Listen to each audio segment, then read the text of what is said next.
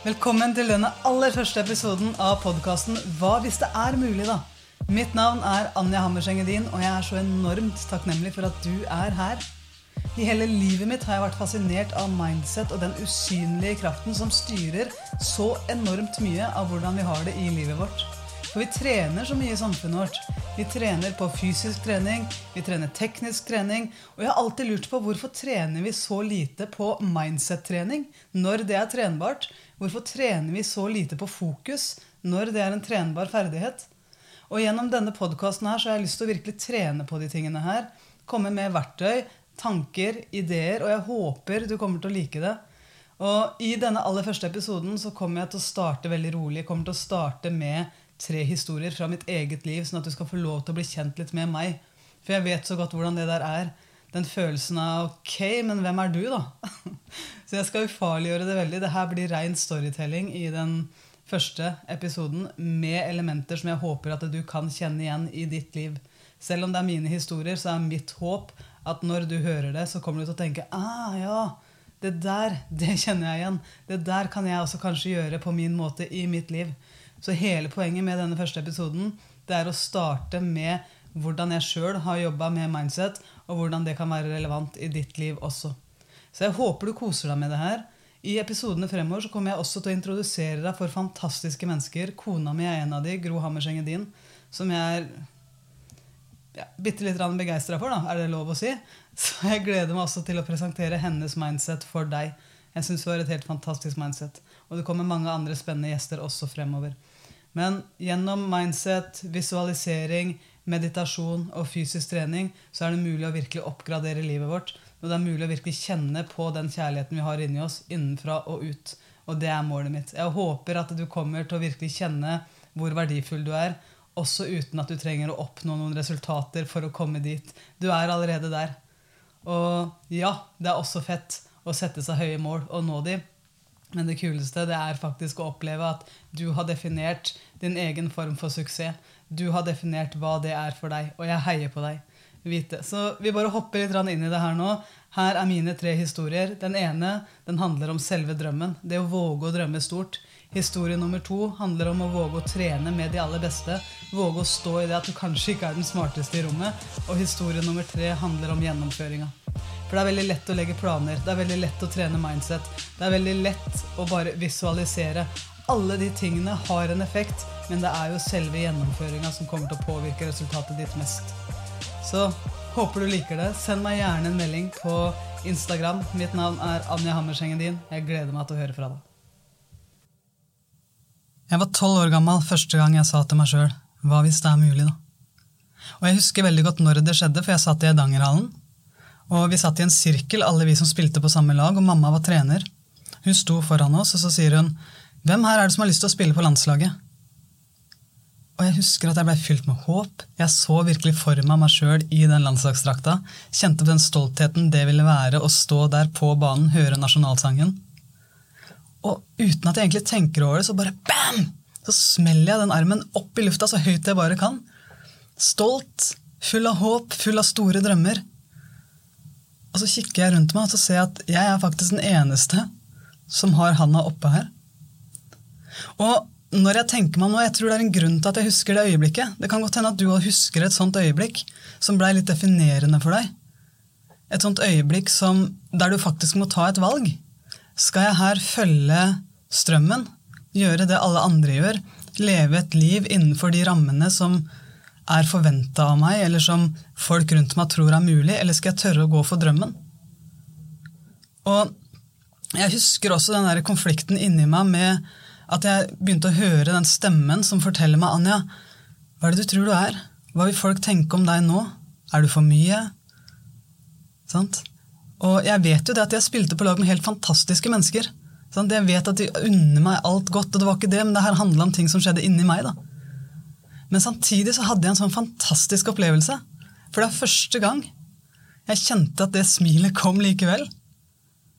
Der jeg bestemte meg for at jeg har lyst til å lytte til den stemmen som stiller meg spørsmålet Ja, det kan godt hende det er vanskelig, ja, det kan godt hende du er den eneste som kommer til å drømme om det her, men hva hvis det er mulig, da? Det spørsmålet det gir meg håp. Det skaper en liten kribling i magen min. Og jeg vet jo det at det er så innmari lett å rettferdiggjøre hvorfor jeg skal unngå å ta sjansen. Hvorfor det beste er å la være å satse. For vi blir jo født inn i denne verden sant? med helt nakne øyne. Vi er klare for livet, men kjempemottagelige for input. Og så havner vi inn i en familie og et samfunn og et sosialt fellesskap som veldig fort lærer oss hva som er normalen, hva som er forventa, og hva som blir sosialt akseptert. For vi er sosiale dyr. Og veldig ofte så gjør vi hva som helst for å passe inn. Det gjelder jo alt fra hvordan vi velger å leve livet vårt, til hvordan vi velger å sette ord på drømmene våre, og i hvilken grad vi velger å lytte til den bitte lille nysgjerrige stemmen som undrer på om det hadde vært mulig, da, hvis vi bare hadde turt. Og det her gjelder også i hvilken grad vi er vokst opp med å ta ansvar for vår egen måte å respondere på det som skjer rundt oss. Eller om menneskene rundt oss jatter med oss på alle våre bortforklaringer og rettferdiggjøre på hvorfor vi skal unngå å gjøre ting. Og selv om det er dritirriterende, så må jo jeg innrømme at jeg har faktisk hatt størst utvikling de gangene menneskene rundt meg har utfordra meg. Spesielt når jeg vet at det har vært det som har vært det mest krevende å gjøre. Ett år etter at jeg rakk hånda mi opp i Eidangerhallen og sa at jeg vil være en av de som spiller på landslaget, så møtte jeg Frank Beck for aller første gang. Frank var en av Norges aller første motivatorer, og jeg var så heldig at jeg, jeg fikk lov å møte han fordi han var pappaen til en av trenerne våre. Mamma var den ene treneren, og Gyrid var den andre treneren, og Frank var pappaen til Gyrid. Jeg må bare innrømme det at jeg husker ikke alle ordene hans, og jeg husker ikke helt hvordan han sa det, men jeg husker veldig godt hva han fikk meg til å føle, og det gir veldig mening i forhold til det quotet som er ute og går nå, med at folk husker ikke hva du sa, de husker ikke hva du gjorde, men de husker veldig godt hva du fikk de til å føle, og jeg kjenner igjen den ekstremt godt i mitt aller første møte med Frank. For det var et sånt øyeblikk, og jeg følte oppriktig inni meg at han tillot meg å drømme at jeg selvsagt kunne satse på det jeg elska, og at ingen andre kunne gjøre det for meg. Og det var et lite sånn bam, magic moment for meg. Det var jeg som måtte ta ansvar for å gjennomføre det, for det kommer ikke til å stå en der sånn med landslagsdrakta i handa. Og det her gjelder jo ikke bare landslaget, det her gjelder jo hele livet, og det er det jeg har tatt med meg siden, og det er derfor jeg har lyst til å lage den podkasten her, for jeg har lyst til at du skal rekke opp handa. Jeg har lyst til at du skal tørre å snakke høyt i den forsamlinga selv om du er vant til å være den som ikke har en tydelig stemme. Jeg har lyst til å utfordre rollen din du har i parforholdet, selv om det er det som har vært det trygge fram til nå. Ikke bare fordi at du skal utfordre det, men hvis det er det som kan gjøre det bedre. Hvis det er det som kan heve din livskvalitet, så har jeg lyst til at vi av og til skal bam, tørre å gjøre det. Tørre å lytte til den indre stemmen som av og til hvisker hva, hvis det er mulig, da. Og jeg innså det der allerede som 13-åring, veldig takket være Frank Beck, selvfølgelig. Men jeg innså også at jeg kommer til å møte motstand. Jeg kommer til å møte mennesker som ikke tror på meg. Jeg kommer til å møte mennesker som ler av drømmene mine. Jeg kommer til å møte mennesker som er vant til å se meg på en spesiell måte, og som tenker at det der kommer aldri til å skje, Anne, for du er ikke god nok til det. Og av og til så kommer de menneskene også rett og slett til å være meg sjøl. Og at mitt valg, det kommer jo til å bli Er jeg fortsatt villig? Er jeg fortsatt gira på å gå for drømmen min? Om den drømmen er stor eller liten? Om den drømmen er å takke nei til det folk flest forventer at jeg skal takke ja til, om den drømmen er at jeg av og til skal tørre å takke ja til noe som kanskje er langt på utsida av komfortsona. Men her kommer frykten inn, som umiddelbart sant, serverer oss bortforklaringer, rettferdiggjøringer. Ja, men Er det ikke bare veldig trygt å bli værende der du er, Anja? I den rollen du har?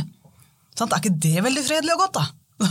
Vi, har den der stemmen inni hodet vårt og den rettferdiggjøringa hele tida. Men det som ofte skjer, da, det er at det, hvis du likevel ikke helt slipper tak i spørsmålet 'hva hvis det er mulig', da, så kommer frykten til å bli sterkere og sterkere og sterkere. Og den indre stemmen den kommer til å bli enda hardere med deg. Og den kommer til å gjøre alt for at du skal bli værende der du er.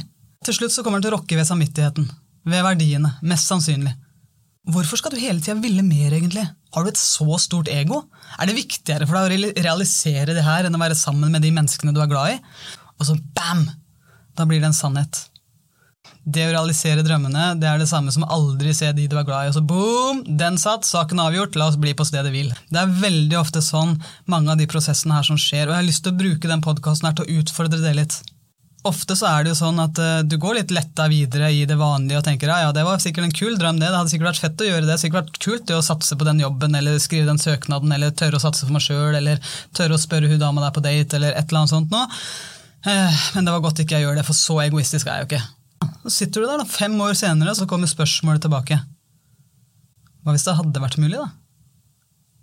Så jeg har lyst til å avslutte med å fortelle deg en liten historie på akkurat det her, sånn, for jeg hadde jo Jeg hadde jo min drøm sant, om å spille på landslaget. Jeg husker veldig godt at telefonen fra Torir kom. Torir han er landslagstreneren til Norge, en helt fantastisk mann. Jeg kjente jeg var så stolt, jeg hadde så lyst til det her. Wow, der kom den telefonen. Jeg får gåsehud bare jeg tenker tilbake på det nå. Og kanskje har du opplevd det du òg, at du er vant til å se deg sjøl eh, på et visst nivå, og så plutselig så får du tilbud om å gjøre noe på neste nivå.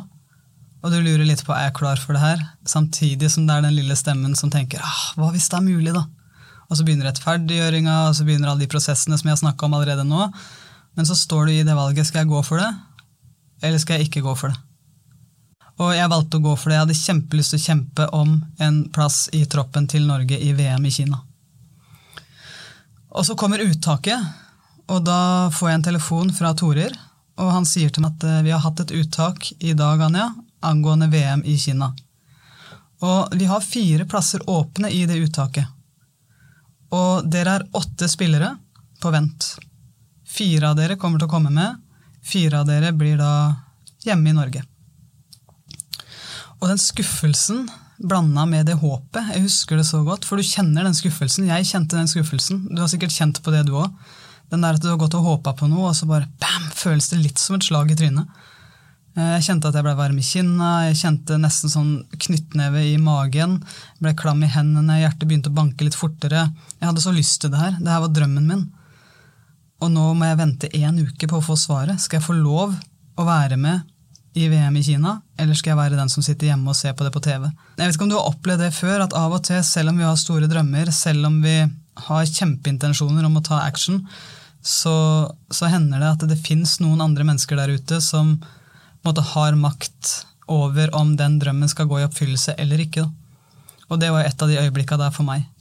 Og jeg har lyst til å avslutte med å fortelle den historien her, sånn, for det, der er vi litt avhengig av de menneskene som jeg refererte til tidligere, som kunne pushe oss.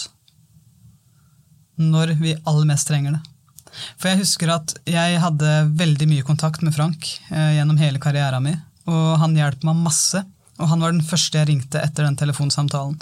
Og jeg vet ikke om du har merka det, at av og til når du ringer noen og forventer en støtte, så, så er det på en måte det du ønsker, samtidig som du inni deg vet at det er kanskje ikke det jeg trenger. Og jeg kjente jo det veldig når jeg skulle ringe til Frank. Det er veldig mye mer fristende for meg å hele tida ringe til ja-menneskene mine, til heia-gjengen min. De menneskene som jeg vet ville akseptert hvorfor jeg kunne gitt opp. For det fins tusen grunner til å gi opp. Det fins mennesker der ute som ville sagt ja, Anja, det her er utenfor din kontroll. Hvil deg nå. Ta det med ro nå. Men jeg visste inni meg at Frank er ikke en av de. Frank utfordra meg. Og han sier ja, har du tenkt å gjøre med det, Anja? Og det som er så fett med det øyeblikket der, det er at jeg visste jo at det spørsmålet kom til å komme, for det har Frank servert meg i alle år fram til det tidspunktet. Hva har du tenkt å gjøre med det? Og nå hadde jeg et svar! For jeg kan ikke gjøre en dritt med det!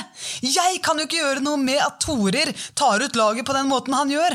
Så jeg hadde så kontringa mi klar, jeg hadde det svaret til Frank klart, og så sier jeg at Frank, jeg kan ikke gjøre noe med det! Det her er Torer sitt ansvar, det er han som tar ut laget, jeg får ikke gjort en dritt med det. Og så sier Frank ok, og hva gjør du nå, da? Nei, jeg ligger jo her, da! På sofaen min! Ser på kuletyggisen, vurderer å spise den og drikke Pepsi Max. Ja, du får legge deg godt til rette, da. Så kan du ringe meg med en uke når Torer har tatt ut laget. Ha det bra, da. Nei, nei, nei, Frank, du kan jo ikke legge på! Vi må jo gjøre noe! Ja. Hva har du tenkt å gjøre med det, Anja? Å, det er så irriterende! Det er så latterlig irriterende når han sier det, og hele tida adresserer at jeg kan ta ansvar for noe. For akkurat den gangen så hadde jeg egentlig en gedigen offermentalitet og sånne offer, sånne wii, antenner bare styrtende ut av huet mitt. Og bare Nei! Jeg kan ikke gjøre noe! Jeg var helt overbevist om det. Men så stiller Frank meg et oppfølgingsspørsmål. Hva er det som skal til da, for å bli tatt ut? Hva som skal til for å bli tatt ut? Ja, men jeg vet jo ikke det, Frank. Det er jo Torir som tar ut laget. Det er dritkleint å ringe han og spørre det, Torir, jeg har så innmari lyst til å bli med på VM. Ja. Eh, akkurat som ikke folk har lyst til å være med i VM. Hele Norge kan jo ringe Torir. Ja. Men både du og jeg vet at den eneste grunnen til at du ikke ringer Torir nå, for det er fordi du er redd. Ah, det er irriterende. For han hadde jo helt rett. Og jeg hadde jo ikke lyst til å innse at jeg var redd. Men jeg var jo kjempenervøs for å ringe Torer og faktisk be om hva jeg kan gjøre. Hva er det jeg kan bruke denne uka her til? hvordan kan jeg steppe opp gamet nå, sånn at det kan gjøre en positiv forskjell for meg i det uttaket? Da? Det er jo det samme som hvis du står på venteliste, du skal ha kanskje en ny stilling på jobb. Det, det lønner seg jo på en måte å vite hva slags ferdigheter er det jeg trenger å utvikle for å få den stillinga. Men ofte så er det letteste å gjøre det er bare å legge ansvaret på den som plukker den ut. Sånn, legge ansvaret på de andre, for da slipper vi å gjøre noe sjøl. Da slipper vi å stå i sårbarheten. Og jeg bestemte meg for at jeg må være ærlig med meg sjøl. I det øyeblikket der er sånn, Jeg må faktisk være så ærlig med meg sjøl at jeg må finne ut av hva er det jeg vil. For det er akkurat nå jeg kan bestemme det. Har jeg lyst til å la den frykten styre meg? For jeg har alle mulige grunner til det, og jeg vet at uansett hvem jeg møter, så kommer de til å nikke anerkjennende når jeg sier at jeg må bare være tålmodig.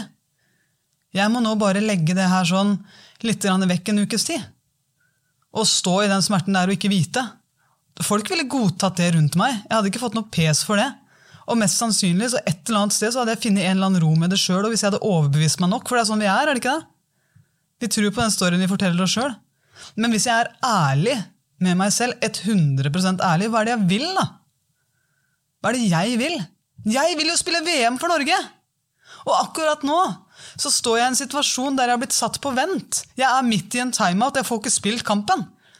Så hva har jeg tenkt å gjøre med det, da? Og jeg innså jo at Frank, du har jo helt rett. Selv om det er kjempeirriterende. Jeg kan faktisk ta et ansvar allerede nå. Jeg kan ikke bare plukke meg sjøl ut i den troppen, men jeg kan vite hva som skal til.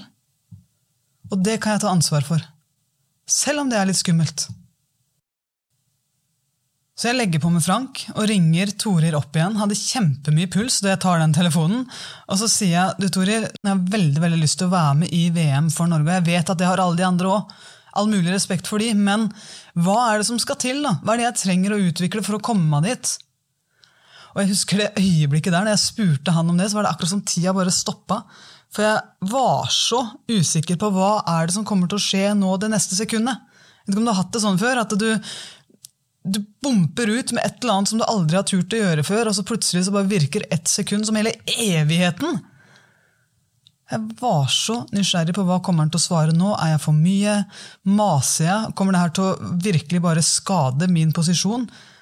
Hva kommer han til å svare nå? For selv om Torer er verdens nydeligste mann, så visste jeg jo ikke hvordan han responderte på akkurat det her, for verken han eller jeg hadde stått i akkurat den situasjonen her med hverandre før. Så jeg var bare kjempenysgjerrig. Og så kommer svaret. Anja, du er en god angrepsspiller. Du trenger å utvikle forsvarsspillet ditt. Wow. Og da kom jo det svaret jeg frykter. For jeg var kjempesårbar akkurat på det punktet der. For jeg visste at angrepsspillet var min spisskompetanse. Og jeg visste at jeg er kjempeusikker i forsvar. Og så har jeg én uke på meg til å bli så god i forsvaret at jeg kan spille VM for Norge. Hvordan i alle dager går man fram da? da? Så jeg takka bare Torir for svaret. Og så visste jeg jo det at uh, hvis jeg nå ringer Frank opp igjen og sier at det her kan jeg egentlig bare drite i, fordi jeg måtte bli bedre i forsvar, og det er kjempelangt unna de ferdighetene jeg er trygg på, så det, da er det egentlig bare sånn sett å vente. Jeg kan jo ikke, altså, jeg hadde brukt 20, over 20 år av livet mitt på å spille håndball. Jeg hadde trent forsvar i over 20 år. i hvert fall øvd litt da, på forsvar i over 20 år, selv om angrep var liksom min greie. det var det jeg elska å gjøre. Så etter 20 år hvor det ikke hadde vært bra nok, så har jeg nå syv dager på meg til at det skal bli bra nok for å spille et VM for Norge. For meg så var det en sånn oppgave som var helt langt ute. Nærmest umulig var det der. Men jeg visste jo også det at hvis jeg nå ringer Frank opp igjen og sier det, så kommer han jo til å si ja, ja, da snakkes vi om en uke, da. Og så kommer han til å utfordre meg også på men du, hvis du ikke har tenkt å legge deg til, da? Spise den kuletyggisen? Hva har du tenkt å gjøre med det da? Så det gadd jeg ikke. Jeg gadd ikke ringe Frank opp igjen. Men det jeg gjorde, det er at jeg fant ut ok, hvis nå jeg kommer til å ta ansvar sjøl, jeg har lyst til å bli bedre i forsvar, det jeg har gjort frem til nå, det virker ikke helt, hva er det jeg faktisk kan kontrollere? Hva er det jeg kan kontrollere? Det samme spørsmålet kan jo du stille. Hva er det du kan kontrollere? I den situasjonen her, sånn, Kanskje er du på vei tilbake fra jobb etter korona. Kanskje er du på vei inn i en ny posisjon i laget ditt. Kanskje er du på vei inn i en ny stilling på jobb. Kanskje har du måttet bytte jobb midt i korona. ikke vet jeg. Men hva er det du faktisk kan kontrollere, da? Jeg kan jo kontrollere f.eks. hvem jeg velger å lære av. Hvem jeg velger å kontakte. Så jeg sonderte terrenget og så fant jeg ut at de som er best i forsvar, hvem er det? som jeg kan få tilgang til. Hvem er det som er best i forsvar? Og en av de aller aller beste i forsvar på den tida, det var Elverum håndball. Christian Berge er mannen som trente Elverum håndball. Han er nå landslagstrener på herresida for det norske landslaget, men på den tida så trente han Elverum håndball. Og Problemet mitt det var at det var Elverum håndball herrer. Jeg visste det at uh, hvis jeg skal bli bedre, så må jeg trene med noen som er vanvittig mye bedre enn meg, og det er jo Elverum. Altså, De er mye mye bedre enn meg i forsvar. Så jeg fikk nummeret til Christian, ringte, og jeg har, inni meg så hadde jeg så vanvittig lyst til at eh, han ikke skulle ta telefonen. Det er kjemperart, for jeg hadde jo egentlig lyst til at han skulle ta den, og så hadde jeg også egentlig lyst til at han ikke skulle ta den, for da kunne jeg ringe Frank og si ja ja, jeg prøvde. Sant? Jeg vet ikke om du har hatt den der før, at eh, ja ja, hit, men ikke lenger-følelsen. Men jeg ringte til Christian Berge så sa jeg, du Christian, det her er Anja Edin som ringer. og Jeg må bare innrømme det at jeg synes det her er veldig vanskelig å spørre deg om, for du kjenner ikke meg. Jeg vet bare veldig godt hvem du er. Du er treneren til Norges beste lag i forsvar på herresida. Og jeg står nå i en situasjon der jeg er på vent i et VM-uttak og trenger å gjøre noe helt nytt. Det jeg trenger å bli bedre i, det er forsvar. Og jeg lurer på om du kan hjelpe meg? Da sier altså Christian til meg at du kan være med oss, Anja. Du kan være med oss på treninger, og jeg har lyst til å hjelpe deg. Men du må komme hit til Elverum, og du må trene med oss. Du må trene med gutta. Og det som er kult med det, når du er med mennesker som er bedre enn deg, når du oppsøker de menneskene som kan mer enn deg selv, om du føler deg mindre, sånn som jeg følte meg mindre enn de, både i kompetanse, men også i fysikken. De var 50 kilo sterkere enn meg. Og det er jo sånn at Hvis du da står og trener og sperrer med de, så er du helt nødt for å bli bedre. Fordi at Hvis jeg ikke tøffer meg mot de, så blir jeg faktisk fysisk skada. Og det ville vært driti ut hvis jeg om en uke nå kommer med, og så er jeg skada. Så jeg må jo bare steppe up gamet, jeg må jo bare stå imot her. Jeg må bare lære alt det jeg kan lære her, og rett og slett tøffe meg. Mer enn det jeg føler er naturlig. Så det var veldig veldig spennende å kjenne den der effekten av å virkelig trene med de som er bedre enn meg. Hva det gjør med mentaliteten min i de små duellene. Og se for deg her, da, hvis du har et eller annet i ditt liv som du kjenner at åh, det hadde vært fett å vært litt tryggere der, eller det hadde vært fett å kunnet litt mer om det. Ok, Men hvem er det som er best på det, da? Som du kanskje ikke kjenner engang, men som du kan ta kontakt med. Hvem er det som er best på det? Vær der, lær av det, stå i det, vær ukomfortabel, vær klein gjør det. Jeg hadde ikke blitt lykkelig av å ligge på sofaen og synes synd på meg sjøl og spise kuletyggis. Det er det som er sannheten. Men det jeg blir grisestolt av, det er å tenke på alle de tinga jeg gjorde nettopp for å klare å ta det neste steget. Så jeg er grisestolt av at jeg turte å finne nummeret til Christian Berge, og at jeg turte å faktisk ringe det. Og at jeg turte å takke ja når han tilbød seg at jeg kunne trene med de, og at jeg faktisk også da stilte opp på de treningene. Så selv om jeg da ikke hadde kommet med i det uttaket en uke etterpå, så hadde jeg fått så mange seire på min egen personlige utvikling at jeg har all mulig grunn til å være stolt av meg sjøl. For jeg sto ikke på, på Elverum sin trening og var feilfri, jeg. Gjorde masse feil. Men det å faktisk steppe opp gamet og det å tørre å gjøre de tingene som er litt ukomfortabelt, og det å tørre å tenke ja, det er kleint, men hva hvis det er mulig, da? Ja, det kan være en vanskelig uke jeg har foran meg, men hva hvis det er mulig at jeg kan gjøre den uka til et helt fantastisk eventyr? Hva hvis det er mulig at jeg kan bruke den uka til å bli skikkelig stolt av meg sjøl? Og hvordan gjelder det her deg da, i ditt liv? Hva er det du kan gjøre allerede nå for at du kan ta det neste steget? I parforholdet ditt, på jobben din, med familien din, med ungene dine, med laget ditt? Som kanskje gjør at du kommer ut av den rollen som er vanlig for deg, men som du vet inni deg at uh, hvis ikke jeg gjør det her nå, så kommer jeg om fem år til å sitte der og gjøre den stemmen fortelle meg hva hvis det hadde vært mulig, da? Hvordan ville livet sett ut da? For jeg tror veldig på den der å sette oss sjøl i de situasjonene som gir oss seire. Ikke bare for å få seire, men for å føle at jeg er på vei. For å føle at jeg kan faktisk være kapabel til å ta det neste steget. Så tenk etter, hva er det der som for deg? Takk for at du hørte på denne podkasten, og jeg har lyst til å avslutte nå med å Ta en liten sånn recap på hva du egentlig faktisk har hørt på her. For jeg har delt denne podkasten inn i tre historier, tre viktige poenger, syns jeg, for å klare å ta livet til det neste nivå, for å klare å gjennomføre de tingene vi faktisk drømmer om. Leve det livet vi faktisk elsker. Og punkt nummer én, det er jo drømmen. Jeg starta med drømmen i Eidangerhallen. Hva er det du drømmer om? Innse, leit etter det. Finn det ut. Hva er det du drømmer om? Det kan være store drømmer, det kan være små drømmer. Og av og til så vil du se at eh, når du begynner å sette ord på det her, når du begynner å virkelig få lyst til å gjennomføre det her, og du kjenner det i hele kroppen, så vil du også måtte stå i den at det er ikke sikkert at alle andre rundt deg drømmer om det samme. Men hva hvis det er mulig at du kan være den som inspirerer? da? Hva hvis det er mulig at du kan våge å sette ord på det likevel? Og så er det nummer to. Lære av de beste. Oppsøk de beste. Hvem er det som kan det du drømmer om? Hvem er det som kan hjelpe deg det ene steget? Sånn som jeg lærte av Elverum håndball, Christian Berge, men jeg lærte også effekten av det å ha en coach, den beste coachen for meg.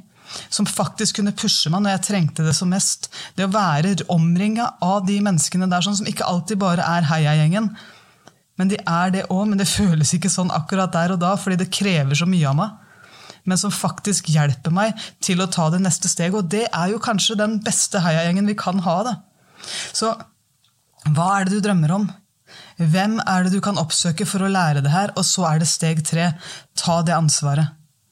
Og i den, i den episoden der, i det domenet der, når du skal ta det ansvaret, når du skal gjennomføre de tingene her, du vet hva du skal gjøre, du har lært av det beste, du har fått strategiene, du vet hva drømmen din er, det er her du blir kjent med deg sjøl på ekte.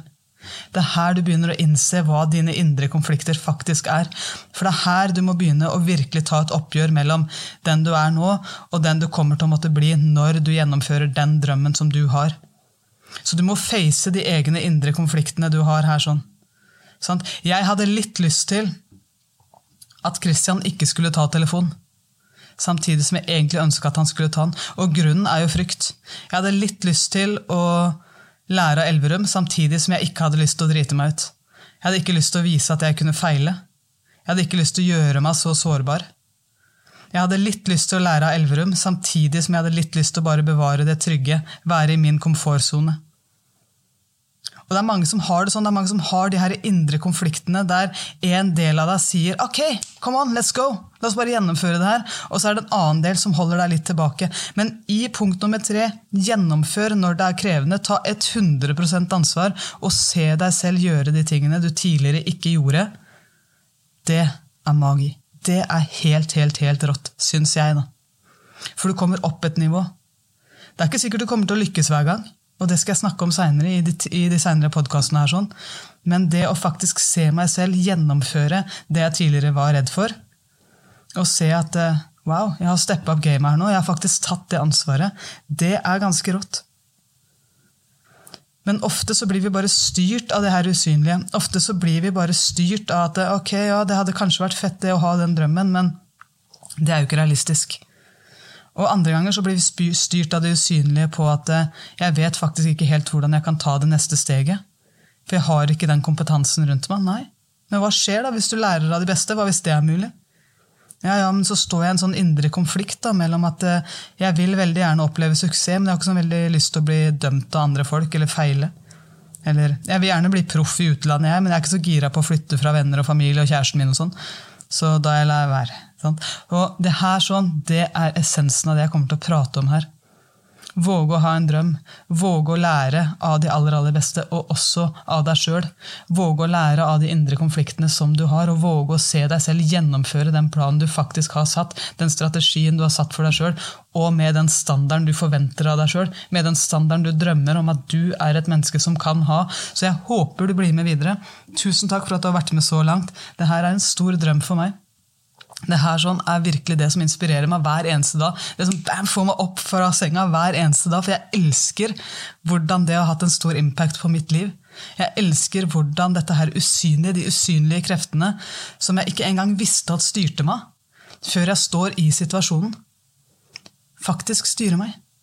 Og jeg drømmer om at du skal tørre å ta et oppgjør med det her. Jeg drømmer om at du skal tørre å bryte deg fri, sånn at du oppriktig kjenner den friheten, den gleden, den passion på innsida om at du er i tråd med det som er ekte inni deg.